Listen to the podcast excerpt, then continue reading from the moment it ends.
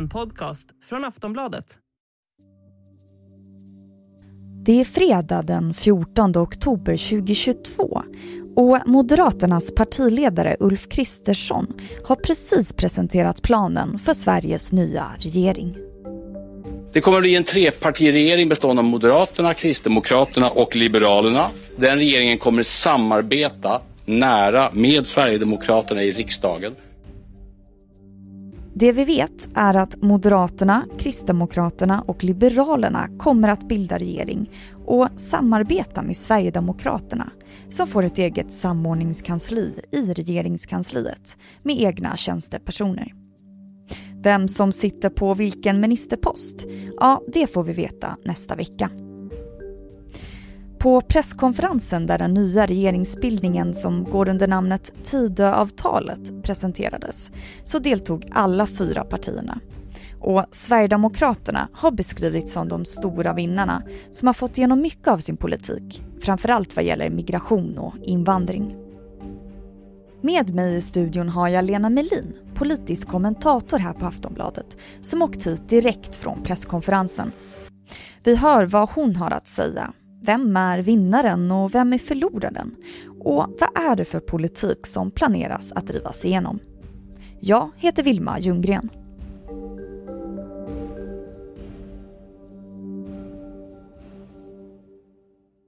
Hej Lena, välkommen hit. Tack så mycket. Var presskonferensen vad du hade förväntat dig? Ja, de, de kanske, jag tyckte kanske partiledarna var något mindre uppspelta än jag hade förväntat mig. Liberalerna, Kristdemokraterna och Moderaterna har ju gjort en överenskommelse med Sverigedemokraterna. Kan du beskriva den? Ja, den handlar om sju sakpolitiska områden och, och dessutom ett budgetsamarbete. Och tre av de här partierna kommer ju då sitta i regeringen, det vill säga Moderaterna, Liberalerna och Kristdemokraterna och ett kommer att vara utanför, nämligen Sverigedemokraterna. Och alla påstod sig vara ganska nöjda med detta arrangemang. Ehm, Jimmy Åkesson förklarade att eh, han var nöjd med att stå utanför regeringen därför att de hade fått så otroligt, enligt honom, stort genomslag för sin politik i det här gemensamma eh, dokumentet som de har, har eh, författat under de här veckorna som har gått sedan valet. Ja, han beskrev det ju som ett paradigmskifte. Skulle du hålla med om det?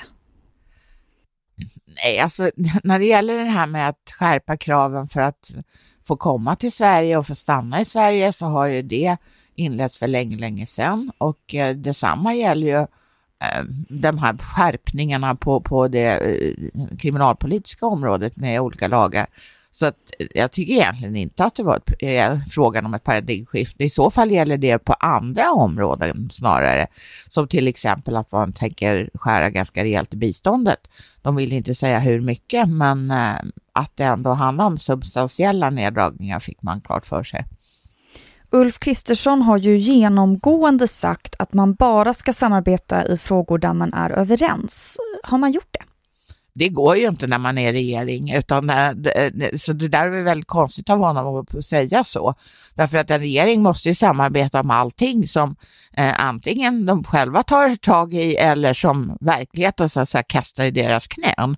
Och de, de ska dessutom fatta kollektiva beslut. Det finns inte, man kan inte reservera sig mot regeringsbeslut, utan alla måste vara med på tåget. Jimmy Åkesson har ju också sagt att det här är som om de vore ett regeringsparti. Håller du med om den bilden? Ja, ja alltså de kommer, ha, de kommer ha ett väldigt starkt och intimt samarbete med den sittande regeringen, men de är ju inte ett regeringsparti.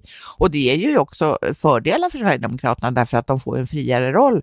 De kan ju till exempel säga att de inte är nöjda med ett beslut som, som regeringen har tagit och att de är emot det, vilket då inte de ingående partierna, de som sitter i regeringen kan säga. De kan ju säga att de inte tycker att det kanske är deras favoritbeslut, men de kan inte säga att de är emot det. Det går inte. Alltså, alltså, Sverigedemokraterna kommer att ha ett kansli på regeringskansliet och eh, de kommer också ha regelbundna möten i partiledarkretsen.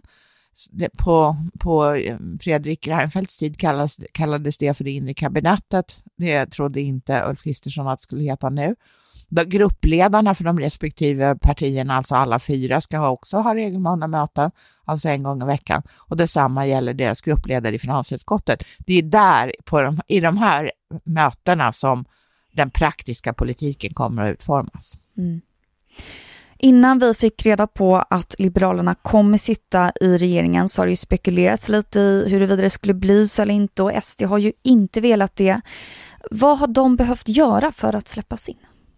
Ja, de har ju fått så att säga backa från en del ståndpunkter som de har haft. Till exempel har inte de velat skära i biståndet och eh, Johan Persson, då, eh, Liberalernas partiledare, kallade det var för att det var ömsom sött och ömsom salt. Mm. Och hur mycket kan den här strama eh, migrationspolitiken som vi nu ser kosta för Liberalerna i längden? Precis som du sa, han har ju sagt att det var lite sött och lite salt. Ja, det, det, är svårt att veta för väljarna kanske tycker att de hade fel från början och att det nu är mera rätt.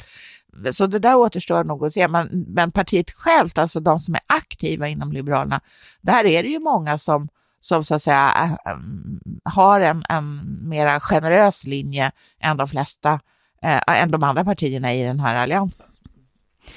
Så vem av de här fyra partiledarna tror du är mest nöjd idag? Det tror jag är Ulf Kristersson. Han blev statsminister. Mm. Vem tror du minst nöjd då? Ja, alltså det, de som såg minst glada ut då, eftersom jag inte tyckte att någon såg särskilt glad ut i den här kvartetten, var ju Ebba Busch och Johan Persson. De såg, och det är också de minsta partierna, de har väl då därför fått liksom minst utrymme för sin politik. Aftonbladet Daily är strax tillbaka. Selling a little or a lot? Shopify helps you do your thing however you cha-ching. Shopify is the global commerce platform that helps you sell at every stage of your business. From the launch your online shop stage to the first real life store stage, all the way to the did we just hit a million orders stage. Shopify is there to help you grow. Shopify helps you turn browsers into buyers with the internet's best converting checkout. 36% better on average compared to other leading commerce platforms because businesses that grow grow with Shopify. Get a $1 per month trial period at shopify.com/work. shopify.com/work. Det kommer ju från en mandatperiod där enskilda frågor har fällt regeringen. När du tittar på den här uppgörelsen, tror du att vi kommer se något liknande under de kommande fyra åren? Alltså det är ju väldigt lätt för Sverigedemokraterna att kroka arm med, med Socialdemokraterna. Då kommer de ha eh, majoritet i 12 av 16 utskott i riksdagen och kan alltså komma med be begäran till regeringen. De har också majoritet tillsammans i kammaren och kan alltså slå regeringen. Jag tror inte att det här som står i det här avtalet, det här digra eh, avtalet som, som, som de har, eh, har, kommit överens om. Jag tror inte att där kommer, där kommer inte sprickorna uppkomma, utan det är när, han, när det kommer upp nya saker och där, så att säga, social, där Sverigedemokraterna kan det kanske räcker med att de hotar att göra upp med, med Socialdemokraterna så, så kommer de att få sin vilja igenom. Det här kommer ju gälla då på de områden där Socialdemokraterna och, och eh, Sverigedemokraterna ligger när, någorlunda nära varandra, till exempel på det sociala området. Inga ministrar har ju hittills presenterats, men utifrån den här presskonferensen, har du några spekulationer? Ja, alltså statsminister blir Ulf, Ulf Kristersson, det behöver vi inte spekulera om. Vi behöver heller inte spekulera om vem som blir finansminister. Det blir eh, vice ordförande Moderaterna och deras finanspolitiska eller ekonomisk-politiska talesperson Elisabeth Svantesson. Men av de andra herrarna på podiet, eller personerna på podiet där, så verkar det ju som Eh, Ebba Busch blir socialminister, för hon började prata om sjukvårdsfrågor. Alltså hon inledde sin föredragning med sjukvårdsfrågor och då kan man tänka sig att det som just nu ligger henne varmast om hjärtat råkar komma först. Och eh, jag skulle ju nästan falla död ner om inte eh, Johan Persson blev utbildningsminister. Mm. Vi får se nästa vecka. Men om du ger det en gissning, hur länge kommer det här tidavtalet som det kallas hålla? Jag tror ju inte att något av partierna kommer att säga upp det som eh, Liberalerna gjorde med januariavtalet. Däremot kan det mycket väl bli så att efter ett tag ett till två år så är det liksom överspelat. Verkligheten har sprungit ifrån det. Det har ju varit problemet med de här avtalen som har som har uh, gjorts upp i riksdagen, att de har ju, till, alltså, de har ju inte hållit och det beror på att det, det, det är svårt att överblicka framtiden helt enkelt. Tack så jättemycket Lena Melin för att du gästade Aftonbladet Daily. Tack. Du har lyssnat på Aftonbladet Daily med Lena Melin, politisk kommentator här på Aftonbladet. Jag heter Vilma Ljunggren och tack för att du har lyssnat.